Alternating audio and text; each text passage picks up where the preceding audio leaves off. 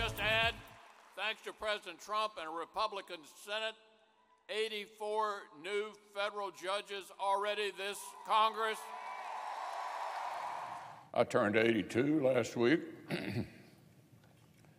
the end of my contributions are closer than I'd prefer, but Father Time remains undefeated.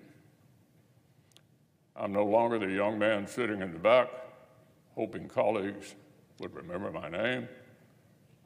It's time for the next generation of leadership.